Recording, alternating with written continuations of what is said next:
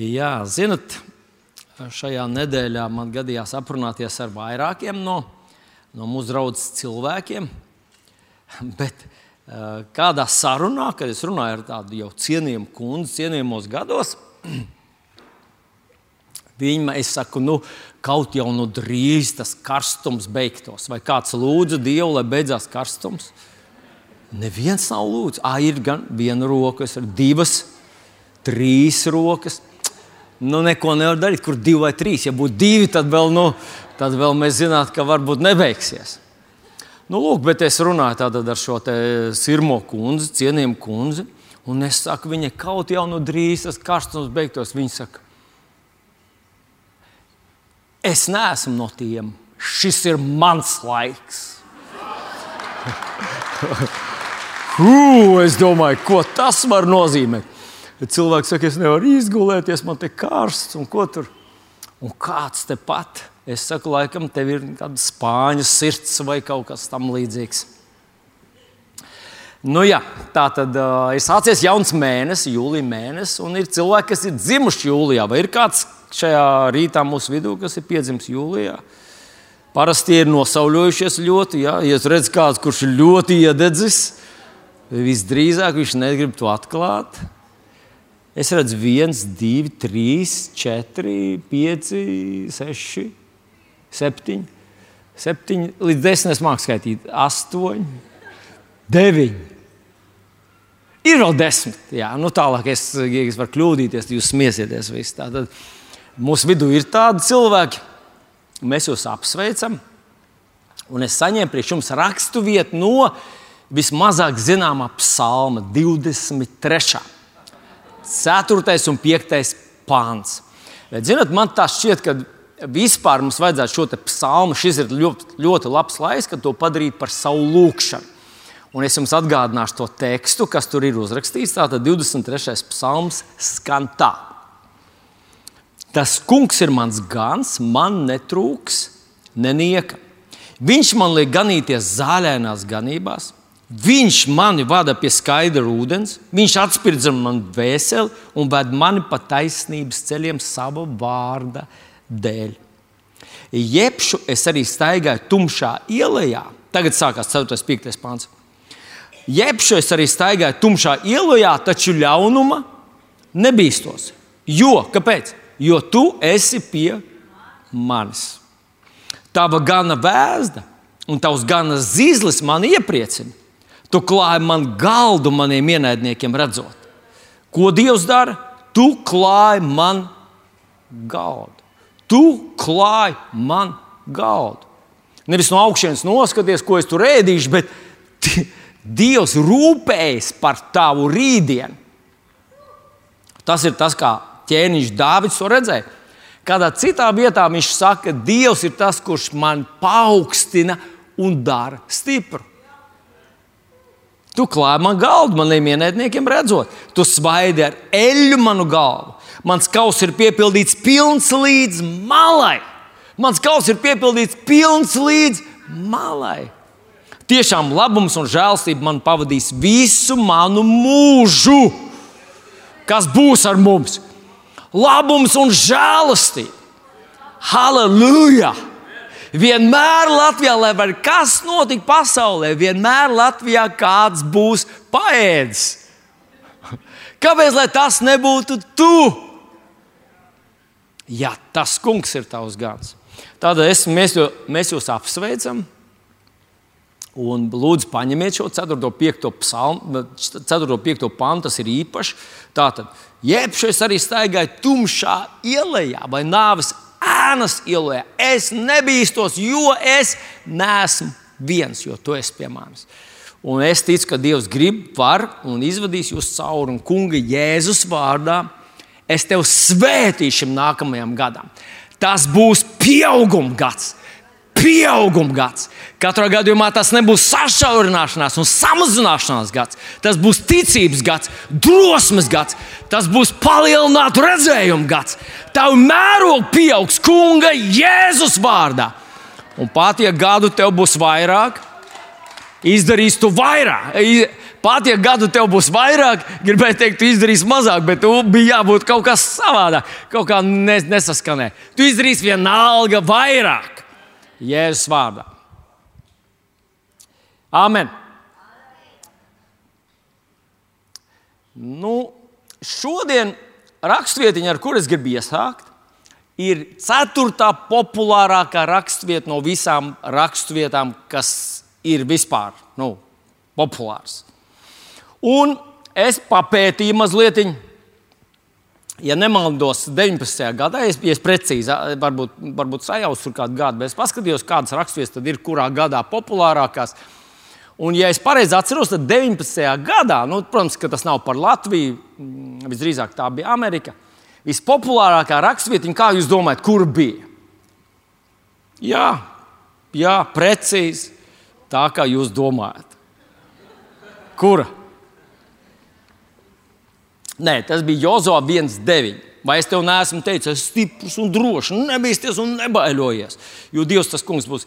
Tad cilvēki to pārsūtīja, viens otram dalījās un, un, un visu kaut ko darīja ar šo raksturu.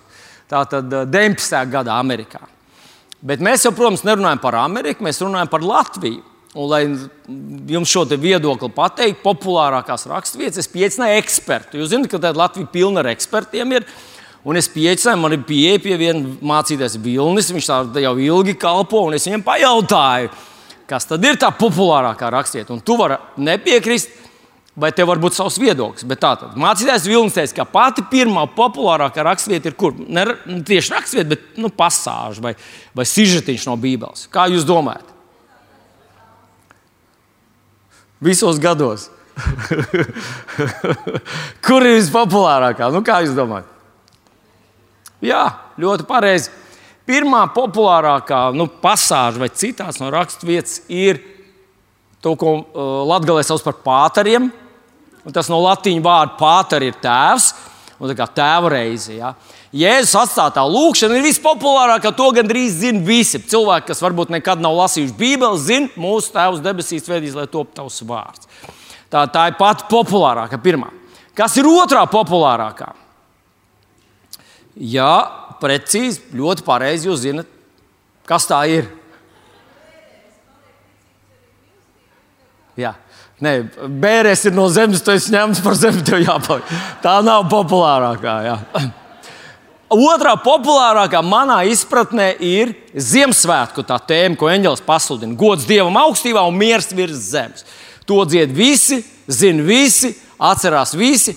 Uz Ziemassvētkos nu, katrs sevi cienošs nu, mākslinieks ir dziedājis šo dziesmu, vai ne? Tā, tā ir otra populārākā. Kas būtu trešā populārākā? Vai līdz šim jūs man piekrītat? Kurš nepiekrīt man? Viena gribēja celt, bet domāju, nē, nē, vēl vairāk. Ļoti labi. Nu, tā tad Nu, trešā, es domāju, ir Jāņa 3.16. Tomēr to arī zina cilvēki ļoti izplatītā, jo tik ļoti Dievs mīlēs. Dievs ir mīlestība. Varbūt viņi nezina tālāk, bet Dievs ir mīlestība. Dievs mūs mīl. Dievs um, to lieto gan LGBT, un kas tur vēl visādi piedēkļi. Un visi, visi grib pateikt, ka Dievs nevar man tādu labu cilvēku tikai par to, ka viņš ir mīlestības. Viņam jābūt mīlestībai. Tātad Dievs ir mīlestība. To zina Jāņa 3.16. apmēram to, tā ideja. Un šī ir ceturtā.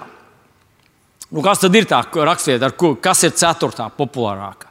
Jūs Bībeli nelasat, izskatās, jūs man skatāties, kā, par ko viņš runā. Ko? Ko? Jā, 1,16. Romiešiem 1,16. Jā, nu, nezinu.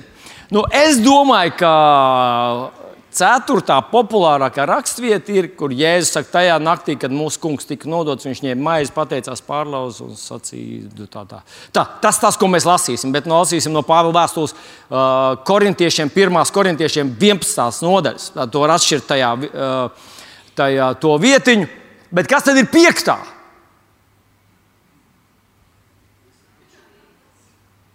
Nu, izlaidīsim piekto. Kas ir sestā? Labi. Es domāju, ka, ka piektā ir Jozā 1,9. Es stiprs un drošs. Dari to! Nike no kurienes paņēma, kā jūs domājat, savu logo? Just do it! No kurienes? Viņi lasīja Bībeli.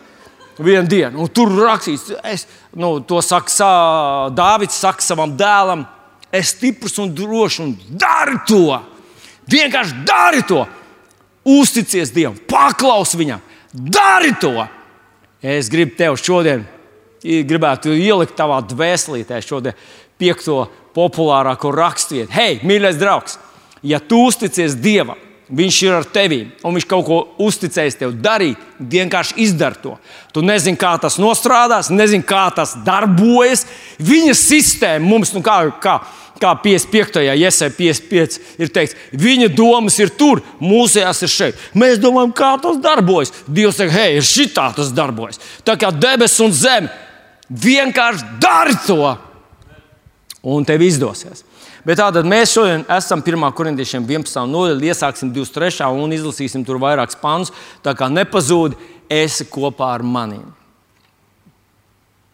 Tas kungs tajā naktī, kad tika nodots, ņēma maizi, pateicās, pārlauza un sacīja: Ņemiet, ēdiet, tā ir mana miesa, kas par jums to dot.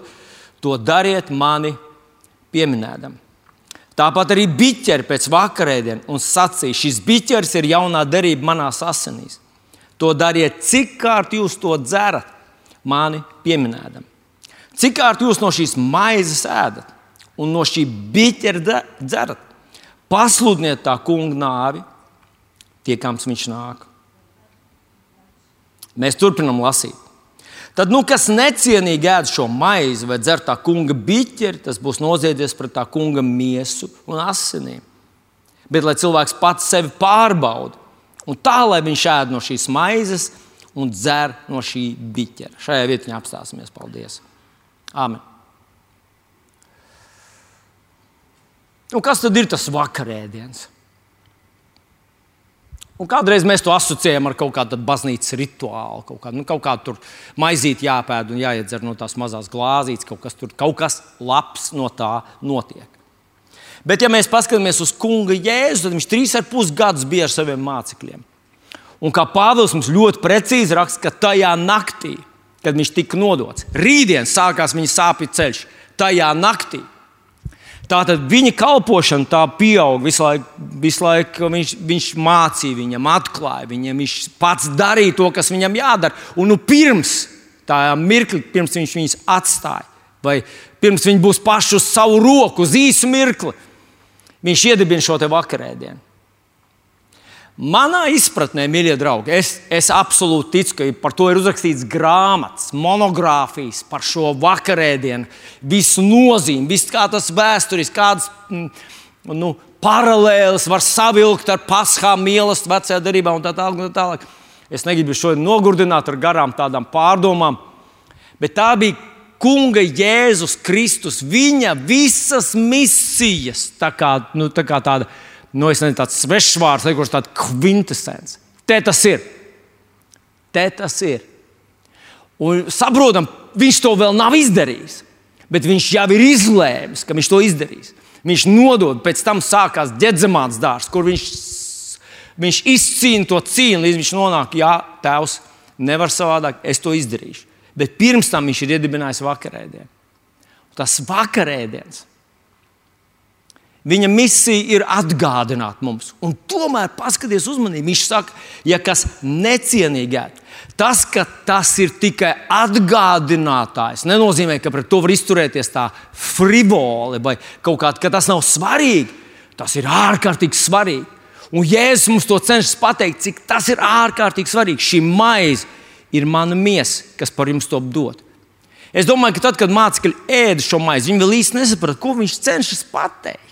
Jo tam vajadzēja taču simbolizēt paskā, mīlestību, vajadzēja simbolizēt jēru, kas tika nokauts, lai apslacītu mājas, pasargātu no maitātāja, lai cilvēki tiktu apslacīti un lai maitātājs viņiem nepieskar, nepieskartos klāt.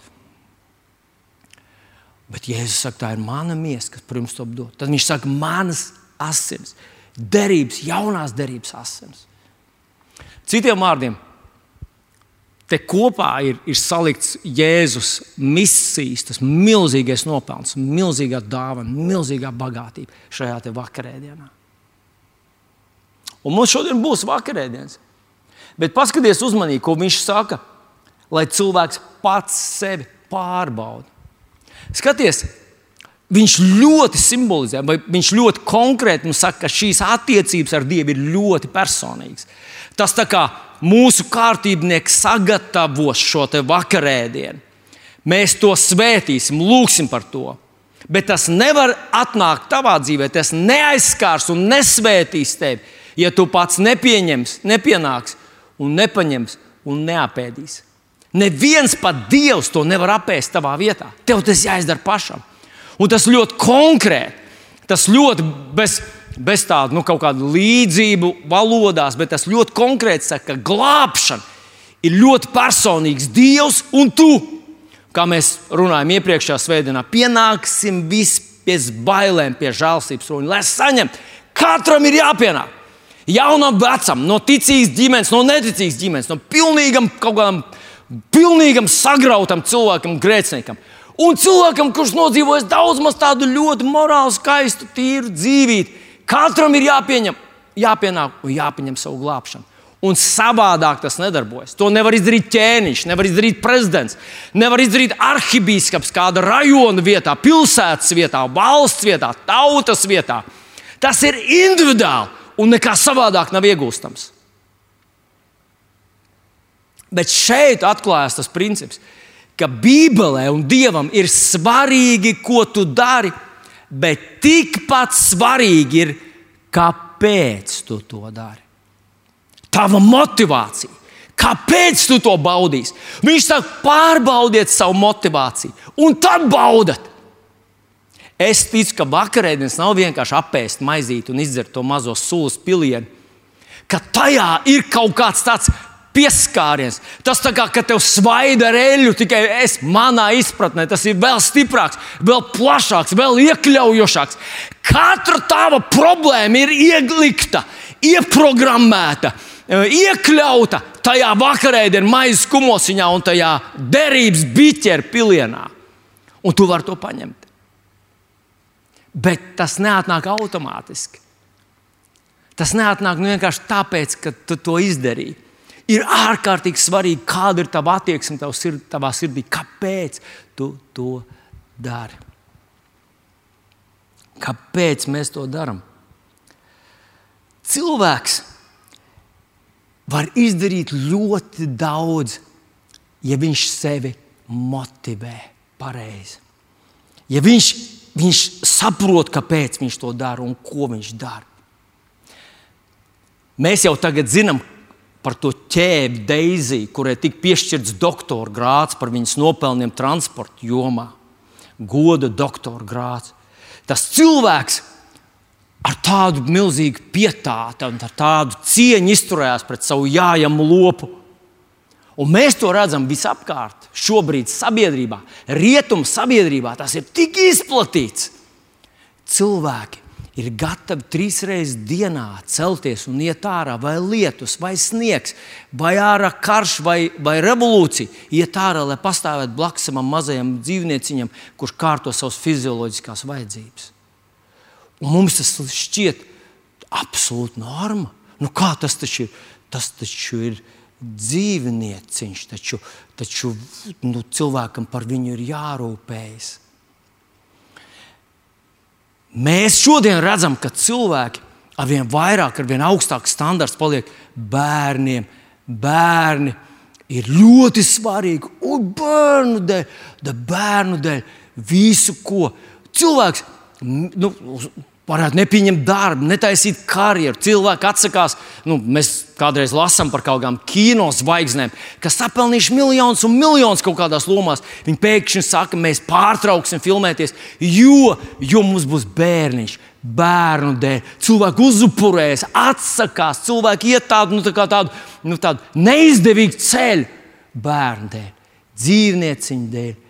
Bērnu dēļ neaizbrauc komandējumos, neaizbrauc Mm, ekskursijās, neizbraukt atvaļinājumos, dzīvnieciņu dēļ, bērnu dēļ. Nu, par vecākiem tā kā mazliet mazāk. Vecāki viņi paliek veci, un, un tad jau tur tā savādāk tas viss. Bet tomēr, mīļie draugi, es gribētu, lai jūs druskuļi padomājat, Nu, kurp virzās? Es nerunāju par visu sabiedrību. Ar vienu ir arī cilvēki, kuriem ir tāda bibliska izpratne par lietām un tādas bibliskas vērtības. Bet ir cilvēki, kas, nu, kuru tās vērtības transformējas. Mēs lasām par Jēzus laiku, un Jēzus laikā bija tāds, atcerieties, viņš kādā vietiņā uzrunā, kad jūs sakat, korban, tad jūs atļaujat cilvēkiem neko nedarīt savu vecāku labad, jo to viņi noziedot dievam. Jūs Iespējams, ka jūs arī ievērojat, ka tā dieva figūra tajā laikā likās tik svarīga, tik ļoti, ļoti nopietna, svarīga. Viņam jābūt primāram, viņam jābūt pārākajam. Jēzus kādā vietā saka, ja jūs tēvu vai māti vairāk mīlat nekā mani, nu, un Es nezinu, vai kāds kādreiz tā ir drosmīgi pateicis, ka es savu bērnu mīlu vairāk kā Dievu, piemēram, vairāk kā Jēzu. Es savu vīru mīlu vairāk kā Jēzu. Es savu ģimeni, es savu darbu, es savu dzīvnieciņu. No savu mazo bobi, ja es mīlu vairāk kā Jēzu. Diez vai ir kāds cilvēks, kas tā godīgi pasakā. Bet, zinot, ja Jēzum būtu dzimšanas diena, viņš no viņiem saņemt vienīgi mazu tādu nu, Vācijā sirsniņa vai divas. Viņi nepārģērbtos, viņi nekur neceltos un neiet. Bet, ja viņam bobim vajadzētu, vai, vai kā, viņ, kā mēs viņu saucam par, ja, ja viņi maziem sunītiem sāktos caurēji, viņi skriet ārā, vai lietas, vai sniegs, vai ko darīt, un vestu viņu uz mežiņu, nu, lai viņš var kārtīgi izdarīt. Viņi iet pie ārsta un maksātu milzīgas naudas, pirkt vitamīnus. Pat ja nebūtu viņiem ko samaksāt par elektrību, viņi pirkt savam mazajam nu, bobiem vitamīnus un visu kaut ko. Jo nu, nu, kam tas ir svarīgi? Un šeit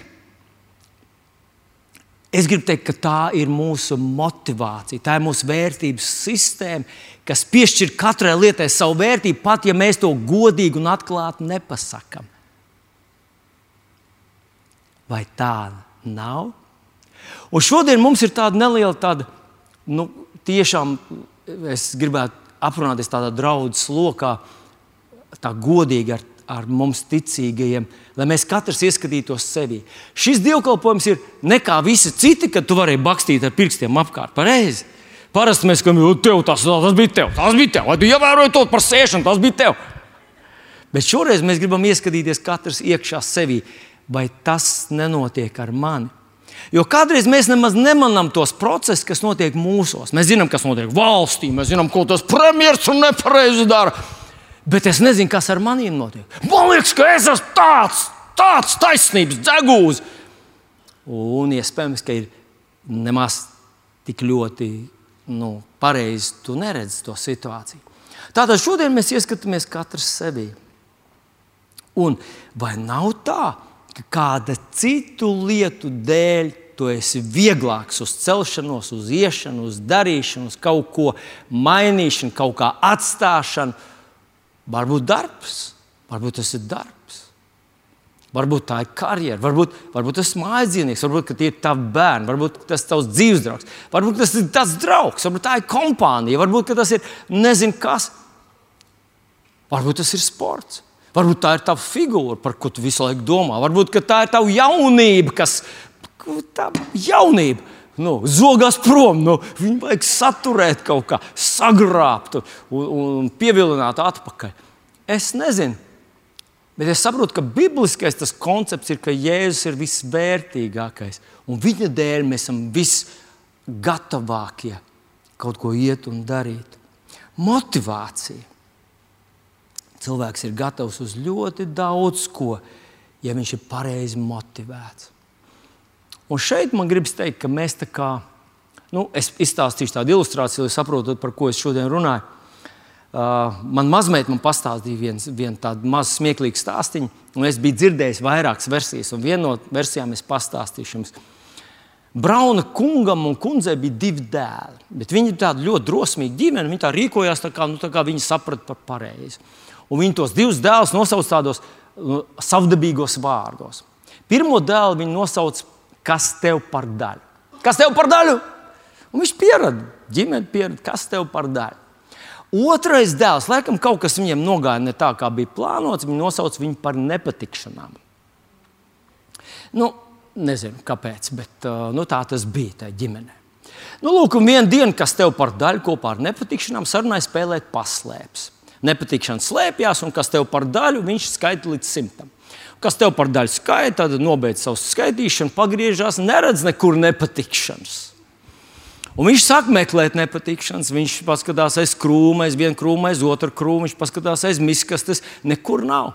Viņš skatās, tur ir mašīnas un ceļmalu. Viņš sāk skatīties zem mašīnām, tur cauri vai neredz kājas otrā pusē. Un, un tas pievērs policistu uzmanību. Pienāca policists un jautā, puisīt, ko tu dari? Puisītis saka, es spēlējos. Kā tev sauc, puisīt, kas tev par daļu? Tu laikam meklē nepatikšanas, un tu man parādīsi, kur viņas ir.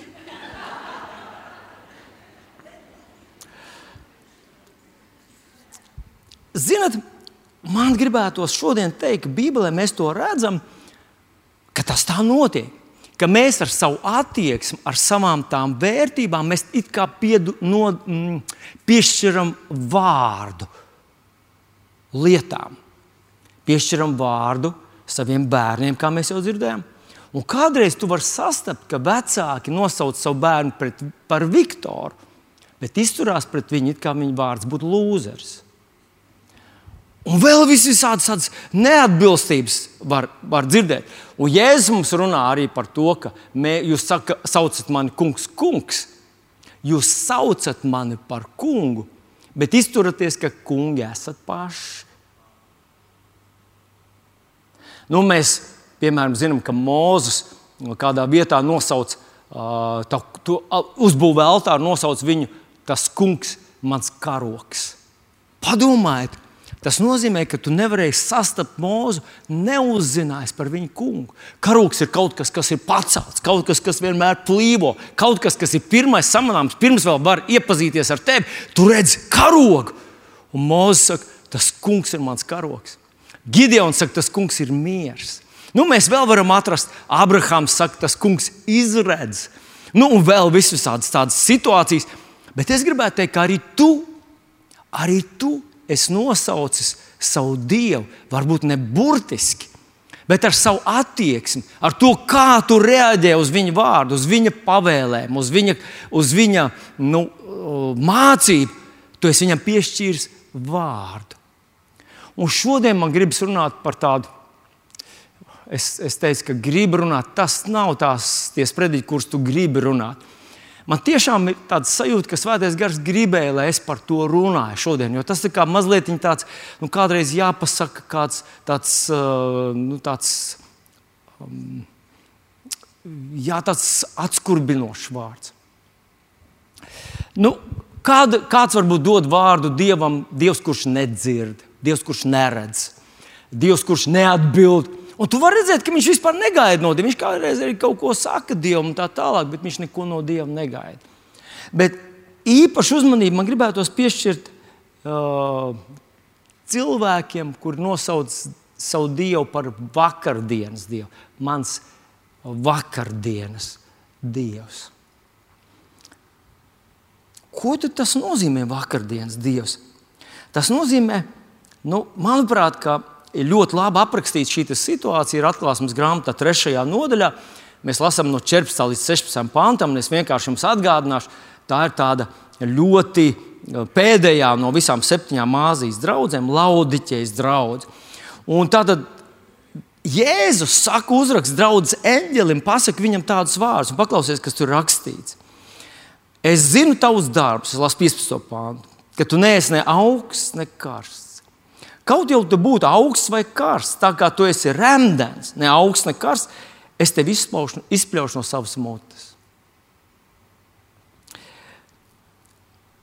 Nu, jau no šī īsā citāta mēs saprotam, ka tas ir tā, tāds bīstams stāvoklis, būt rēmdenam.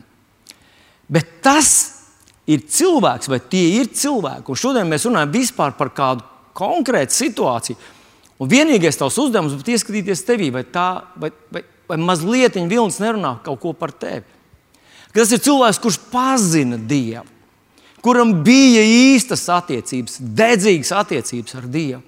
Viņš varbūt bija kalpotājs, varbūt tāds, ziniet, tāds, tāds um, ar mērogu kalpu, varbūt pat mācītājs. Un kādreiz es to esmu, Es esmu, diemžēl, sastapies ar bijušiem eksmācītājiem, bijušiem vakardienas mācītājiem. Un man jāsaka, parasti ar viņiem stāvoklis ir vissliktākais. Mierīgi var piekrist šai raksturvietai, ka tas ir kaut kas tāds. Tā vajadzētu būt situācijai, kad tu esi nu, norūpējies par to cilvēku. Hei, paklausies, bet tu nesaproti, uz kurien tu ej. Es Tu esi palicis remdens. Ja tu neatgriezīsies, tu pazaudēsi savu pestīšanu. Abās divās raksturvietiņās, kur mēs runājam, vispār, kur Bībele vispār runā par pestīšanas pazaudēšanu, Viņa runā par cilvēku, kurš ir baudījis svēto garu, svēto garu dāvāns, kurš ir baudījis, kurš ir ticīgs, kurš zina Jēzus asins un, un tā tālāk. Tas nav jauns ticīgais. Tas nav kāds, kurš šaubās un nezina, un vēl tur no sākuma nesaprot visas tās doktrīnas, un viņš apjūg brīžiem, un tam viņš šauj gaisā kaut kāds tur, uh, tekstus. Tāds. Nē, nē, tur ir runa par cilvēku, kurš patiešām ir tajā bijis, nu, kā lai pasakā, neiegremdēts, bet iesvētīts, kurš tiešām ir bijis tēmā, viņš saprot, par ko ir runa. Tas ļoti līdzīgi kā jūdas. Jūdas noziegums. Vienreiz man ar vienu vīru bija tāda saruna, nu, ko tad jūdas tur tādu nu, izdarīja. Viņš taču tur nesita, ne viņš tur kaut ko. Viņš vienkārši nu, kaut kā tur nepārprata to situāciju. Redz, Bībelē ir tāds princips, kam ir vairāk dots. Vai ne? Vai ne? Pareizs pareiz princips. Kam vairāk dots, no tā vairāk sagaida, no tā vairāk pieprasa. Jo vairāk atklāsmes mēs saņemam no Dieva, Jo jo lielāku atbildību mēs nesam Dievu priekšā. Un īstenībā dažreiz Dievs mums neatklāja lietas, vienkārši redzot, ka, nu, ka tā mūsu tā mīlestība ir kā rīta migla. Tā augšā, lejā, pa kreisi, pa labi. Mēs, mēs esam tā kā šaubīgas, šaubīgas vēja pūsmiņas. Un tāpēc arī mums neatklāja Dievs lietas.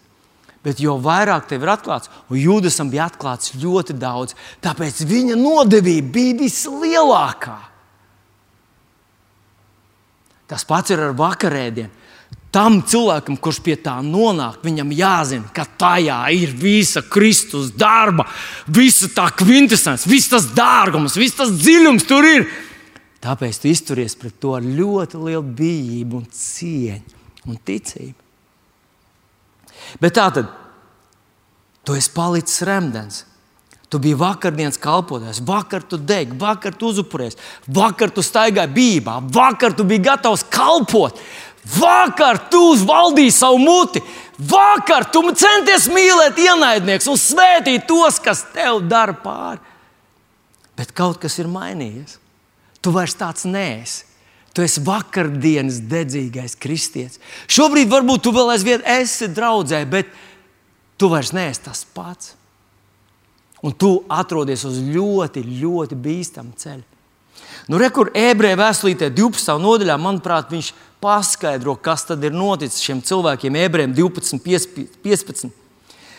Pielūkodami vai pielūkojot, ka neviens nezaudē dieva žēlastību lai nekāda rūkta sakne augstu izaugusi jums nekaitētu, un daudzi ar to netiktu apgānīti. Ievēro, rūkta sakne jau ir tā cilvēka sirdī, bet tā aug ar vien lielāka, un daudzi ar to tiek apgānīti, lai netiktu apgānīti.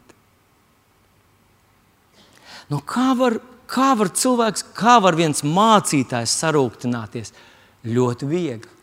Kā var viens kalpotājs sarūktināties? Ļoti viegli.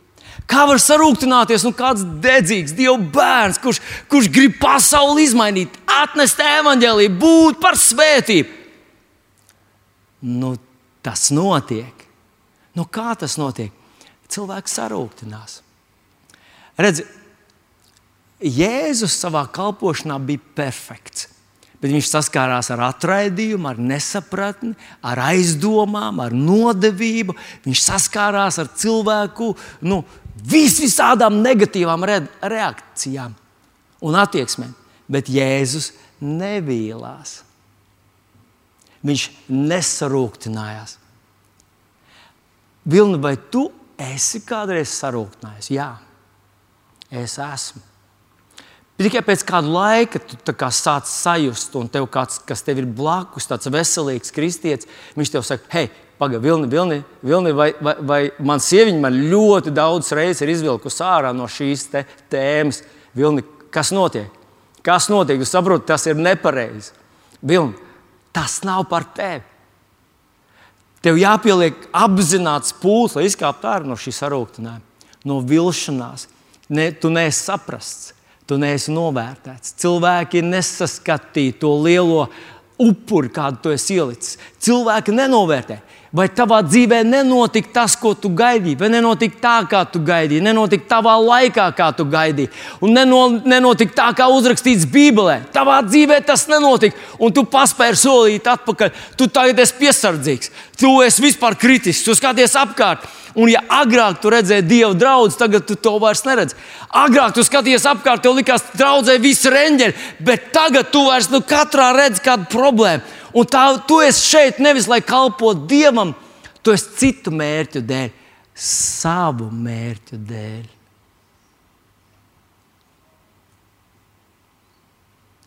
Un no malas to nemaz nevar pateikt. Nu, es tādu vienkāršu piemēru pateikšu. Mums tikko bija Covid-19. Un arī mēs šeit lūdzām, visi draugi, mēs stāvējām pret Covid. Mēs esam, es uh, dzirdēju, dzirdēju cilvēku, kas nu, tā Amerikā tāds cilvēks ar vārdu, mācītājs ar vārdu, kurš tā kā ču, nostājas skatus, nolaudē to. to To vīrusu jau un pateica, viss čika brika, viss ir gatavs, jā, darīts.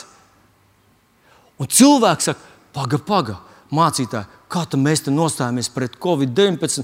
Paskaties, pieaug, pieaug, pieaug, pieaug. Pagāja gads, divi gadi. Un kāds vīlās, kāds teica, hei, pagaidi, kas notiek? Vai tas mācītājs nav rītīgs, vai tas nedarbojas?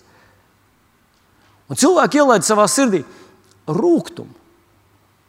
Kāds, jūs zināt, cik tas ir paradoxāli, bet tas jau viss ir beidzies. Visa tā vakcīnu šarāde ir beigusies, bet es sastopu cilvēkus, viņi vēl aizvien staigā ar sāpju savā dvēselē Un tas tā kā tajā anekdotē par to, ka nu, atrada gan tur to, tos tur, bet rūkstoši palika.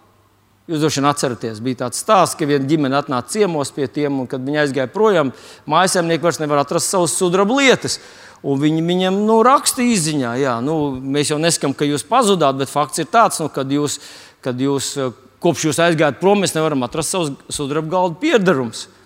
Un tie raksta atpakaļ, saka, paklau, mīļie draugi, par ko jūs mūs uzskatāt? Ja mēs esam Dieva bērni, un pat ja mēs nebūtu Dieva bērni, mēs nezinātu, jūs tos tur. Nu, pēc kāda laika viņi saka, nu, kur tad, tad tur atradās tie, tie jūsu sudraba galda piedarumi? Viņi saka, atradās gan, jā, sieva bija ielikusi tur kaut kur, bet nu, piedarumi tā atradās, ar rūkumu viņš palika. Un, un tā tas, tas ir tas, ko vēlams dara ar mums, saprotat? ka kaut kādu tādu pārpratumu dēļ viņš met savu sēklu. Tā ir vēlna ļoti, ļoti auglīga nezāle, ko viņš met cilvēku sirdīs. Nu, ko tad mēs varējām darīt? Kā mums vajadzēja rīkoties? Vispirms mēs saprotam, ka mēs varam rīkoties tā, kā Jēzus rīkojas. Jēzus ir perfektā teoloģija, vai Bībelē ir melns uz baltu uzrakstīts. Un mēs nekur neredzam, kur Jēzus būtu uzkāpis kalnā, būtu apdraudējis kaut kādu slimību, vai būtu aizliedzis kaut kādu spitālību, vai nu, kaut kur uzkāpis Golgāts kalnā vai kādā tur kalnā un būtu tur viss, un spitālība ir beigusies. Viņš to nedarīja. Acīm redzot, arī tas nav tas, ko mēs varam uzkāpt Pētera baznīcas turnī un apsaukt Covid-19 Starp citu, Jēzus teica, ka pēdējās dienās būs visādi mēri. Un tas pats ar karu. Arī pret karu, arī Ukraiņā cilvēki ir lūguši. Mēs esam lūguši. Un cilvēks nāk un man saka, jā, jā mācītājiem, kā tā ir. Ukraiņa tur lūdz pret karu, mēs lūdzam pret karu. Karš turpinās. Bet vai tu neslāpīs, ka Jēzus sacīja, ka pēdējā laikā būs kari un karu daudzināšana, valsts celsies pret valsts, klans pret klānu un tā tālāk? Tā būs pēdējo laiku pazīme. Vai tas, ka es uzkāptu uz platformas, teikt, es stāvu pretī karam Jēzus vārdā, vai tas pārsvītrot Jēzus vārdus? Mēs varētu panākt, ka vispār, ne, ja tas tā būtu, mēs varētu panākt, ka Jēzus pravietojums par pēdējiem laikiem vispār nepiepildītos. Tikko kaut kur sāktos kaut kas, mēs reiz uzkāptu augšā un teiktu, es vēlreiz apsaucu Covid, 18, 19, 21, 22 un tā tālāk, visus citus. Un tas nekad nebūtu. Bādu mēs aizliekam, mēs aizliekam karu. Tātad, nu, ko tad darīt? Un te ir vienkārši tāda, tāda, nu, tāda brieduša kristiešu sapratne. Tad, kad es uzkāpu šeit uz platformas, un es nostājos, vai, vai Līga to ir darījusi, vai Dārvids to ir darījis, vai kāds cits no kalpotājiem šeit uzkāpa un sacīja, mēs stāvam pretī Covid-19, mēs to nepieņemam. Jēzus vārdā mēs nolādam to vīrusu. Tad pirmkārt, man ir pilnvara un vara un autoritāte par ko? Par manu dzīvi. Un tu vari pievienoties man. Tu vari paņemt to par savu dzīvi. Teikt, Jā, Jēzus var, mēs neslimosim, mēs tam neļausim ienākt mūsu dzīvē. Mēs nesarūktināsimies, mēs nevilsimies Jēzus vārdā. Tas pats ir ar kāru, mīļais draugs. Mēs nevaram apstādināt pasaulē visas tās ļaunās lietas bet mēs varam neļaut tam karam ienākt manā dvēselē. Mēs varam panākt, ka Dievs vada mani, palīdz man saprast, un ka manā dzīvē es esmu gatavs, arī ja tāds karš sāksies Eiropā, ka mēs ar tevi neizbīsimies. Arī starp citu, Jēzus vārdu jūs redzēsiet, kā ar bādu un mēri nebīsties. Kā tas ir iespējams?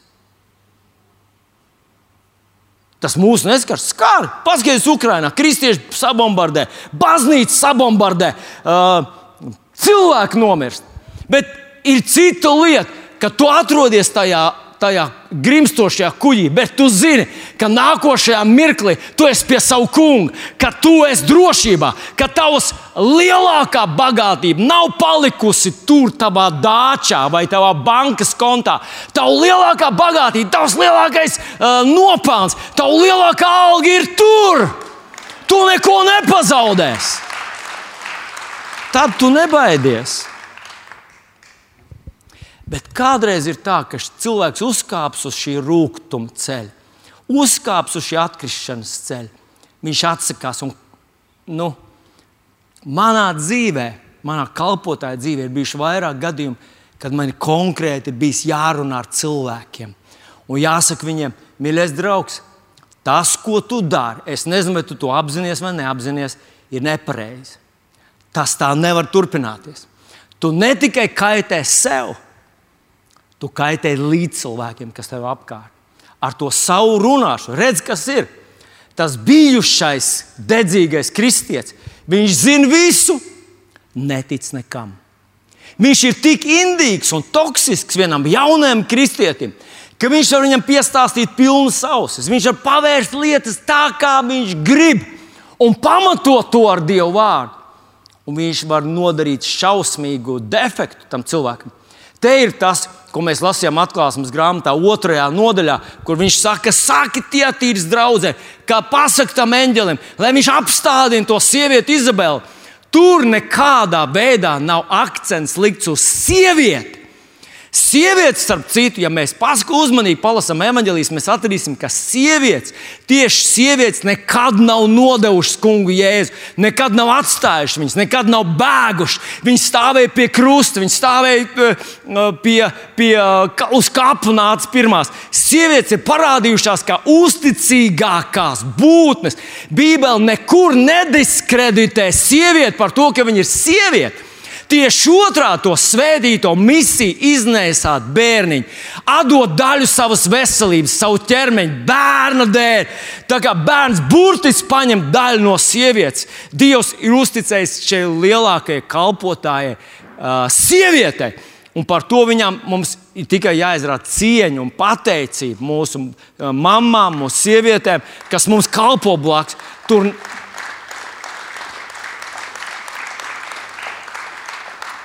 Tas, ka tu esi kāda sieviete, tevi iznēsāja un deva daļu savas veselības, deva daļu savas dzīvības, lai tu varētu būt. Tā ir visīstākā kalpošana, Dievu uzticēt, un mums tas jānovērtē. Bet tur ir runa par kaut ko pavisam citu. Un, ja tu palasīsi, kādreiz cilvēkiem pilnīgi, nu, tas sajiet grīstē, viss tā viņa domāšana. Viņš saka, viņu es metīšu slimības gultā, bet viņas bērnus es nonāvēšu. Un tu domā, pats, kā tas ir iespējams, ko tie bērni ir vainīgi. Un tas prasa tādu garāku komentāru. Bet es šodien gribu tev pateikt, ka tie ir cilvēki, kas atsakās mainīties, kas atsakās atzīt, ka ir atkrituši, ka ir kļuvuši par manipulatoriem, kas, kuru intereses ir viņu intereses. Viņi nāk draudzē, varbūt apzināti vai mazāk apzināti, bet viņi nāk draudzē tāpēc, ka viņiem ir kaut kādi savi mērķi un savas intereses. Un viņi to ļoti personīgi saista. Un es varbūt mazu tādu ilustrāciju pastāstīšu, neteikšu, kurš tas mācītājs ir. Uh, katram kādreiz gadās kļūme, bet vienā mācītājas sanākšanā, kur mēs bijām, nu, kādi cilvēki, kādi 11, 15, 15, 17. Viens no mācītājiem sacīja tādu tekstu. Viņš teica, tā, Dievs man lika darīt to un to, un tas ir ļoti dārgi. Man tas rada zaudējumus. Jums ir man jāpalīdz finansiāli. Un vai jums, ja jūs man nepalīdzēsiet? Viņš to saka citiem mācītājiem. Tas, burti, burtis, tas bija burtiski tādā, tādā formā, ka redz, Dievs man te lieto, Dievs man sūta, Dievs man vada. Un skatieties, ja jūs man neatbalstīsiet, tad jūs būsiet vainīgi. Un kas tā ir? Kas tas ir? Kas? Tā ir manipulācija. Redz, ja tu dod manipulācijas rezultātu, tu ziedo, tad tas nav tavs nopelns. Tas ir tā cilvēka nopelns, kurš manipulē ar tevi. Un man vajadzēja atklāt, viņam piecelties un teikt, ka es tev nepiekrītu. Ja Dievs uztic tev kaut ko darīt, ja Dievs tev sūta kādā darbā, Viņš apmaksā savus pasūtījumus. Tā kā tu pasūti restorānā kaut ko, tu dabūsi pats samaksāt. Ja Dievs tev lika to darīt, tad Viņš palīdzēs tev to nomaksāt. Bet tas, ko tu dari šeit, kad tu izdali šo vainas sajūtu, tu tā kā draudi uh, saviem brāļiem, tas nav pareizi. Nu, mēs neatradām, neatradām tur kopīgu valodu. Man pēc tam viens brālis pienāca klāt, viens mācītājs pienāca, nu, kā tu tā viņam pateici, tā jau varbūt nevajadzēja teikt. Nu, nevajadzēja neko teikt. Nu, manuprāt, tomēr ir jāsaka, ir jārunā. Un šeit ir, šeit ir tas tas stāsts par Dievu, kuram vakar es kalpoju, kurš vakar man nozīmē visu. Dievs, kur priekšā vakar es locīju savus ceļus, šodien to vairs nedaru, jo es esmu vīlies un sarūktināts.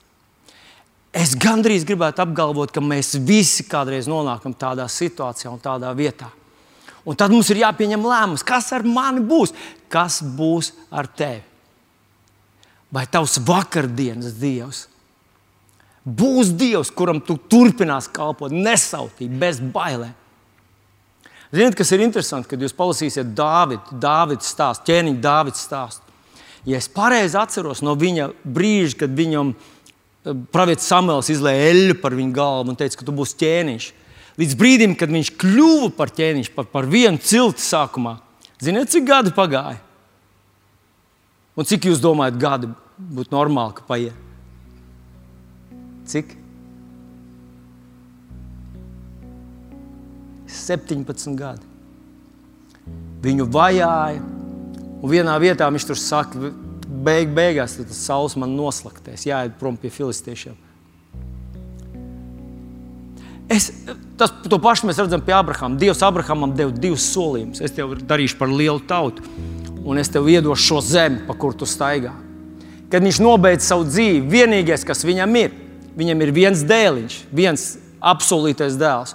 Un kā, cik daudz no zemes viņam pieder? Cik daudz? Viņam pieder tikai sievas kaps. Tā apsolītā zeme asociējās ar, asociējas viņam ar viņa ticības biedru nāvi.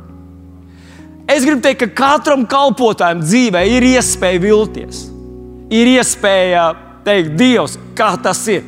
Ka man jāņem savās rokās tas viss man pašam jādara, jo es skatos, ka tu esi pārāk lēns, tu kaut kā neatbildi, tu kaut kā ne, nerīkojies. Bet visi šie ticības varoņi uzticējās Dievam, nesarūktinājās. Viņi palika viņa kalpotāji. Un tad ebrejiem 13, Jēzus Kristus vakar un šodien tas pats un mūžīgi. Es viņam uzticējos vakar, es paļāvos uz viņu vakar. Es tāds aiziešu līdz galam! Jēzus vārdā. Jā. Es varētu, gribētu vēl vienu rakstīti nobeigt, gribu, lai tu paņem to.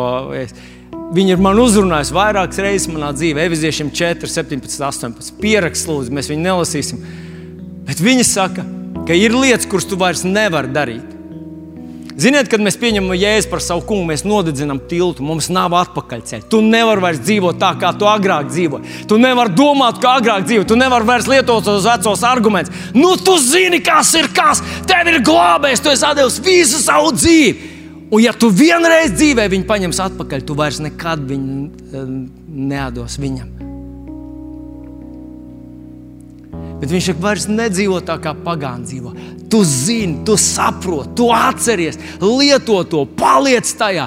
Efeziešu vēstulītē, pirmajā nodaļā, viņš nobeidz ar, ar uh, apgaismots gārā acis un gudrības atklāsmes gāru. Dzīvo tajā. Tu saproti, tas nevar būt tikai svētdienas pasākums, kad tu esi tik svēts, vai mazās grupas reizes, kā Līga sacīja, ka tu lieto to ticības vārdu, tu formulē, tu kaut ko saki, tu saki, Dievs ar maniem, Dievs tas kungs, mans gans un tā tālāk. Un tad tu dzīvo parastu dzīvi. Un tas vienkārši nestrādā. Tā, tas neiet no vienas akas, neiet salds un rūkts. Tas nav iespējams.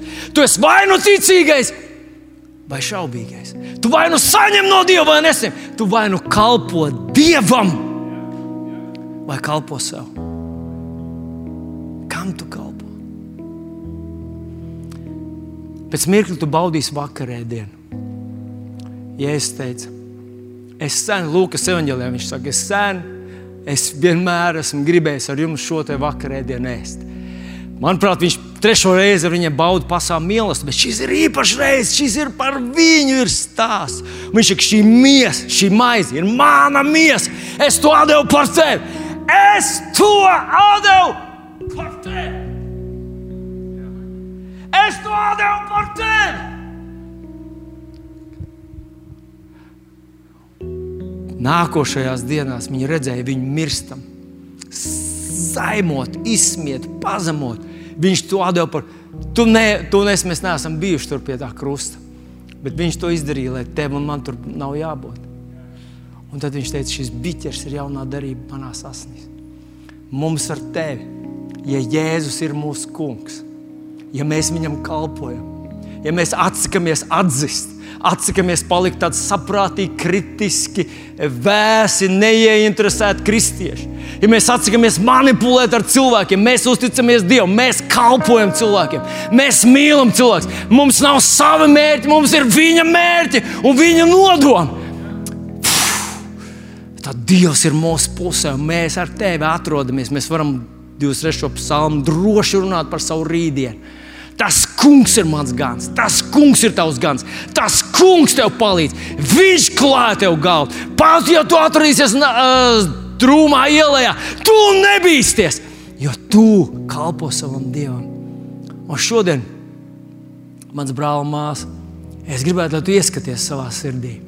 Paskaties tur, vai Kristus vaigs nav ap, aptumšots. Ļauj tam spīdēt, saka, Jēzu, tu esi brīnumains, uzticams. Tu esi mans kungs, tu esi mans glābējs, tev es piedaru, tev es piedaru, tu esi man lielākā bagātība, tu esi man lielākā karjera, tu esi mana nākotne, tu esi man drošība. Jēzus, esmu laimīgs, lai kas pasaulē notiek, esmu pateicīgs un apmierināts. Tu esi mans vakardienas dievs, tu esi mans šīs dienas dievs, tu esi mans rītdienas dievs. Es palikšu tev uzticīgs līdz galam, lai vai kas? Saka, lai vai kas?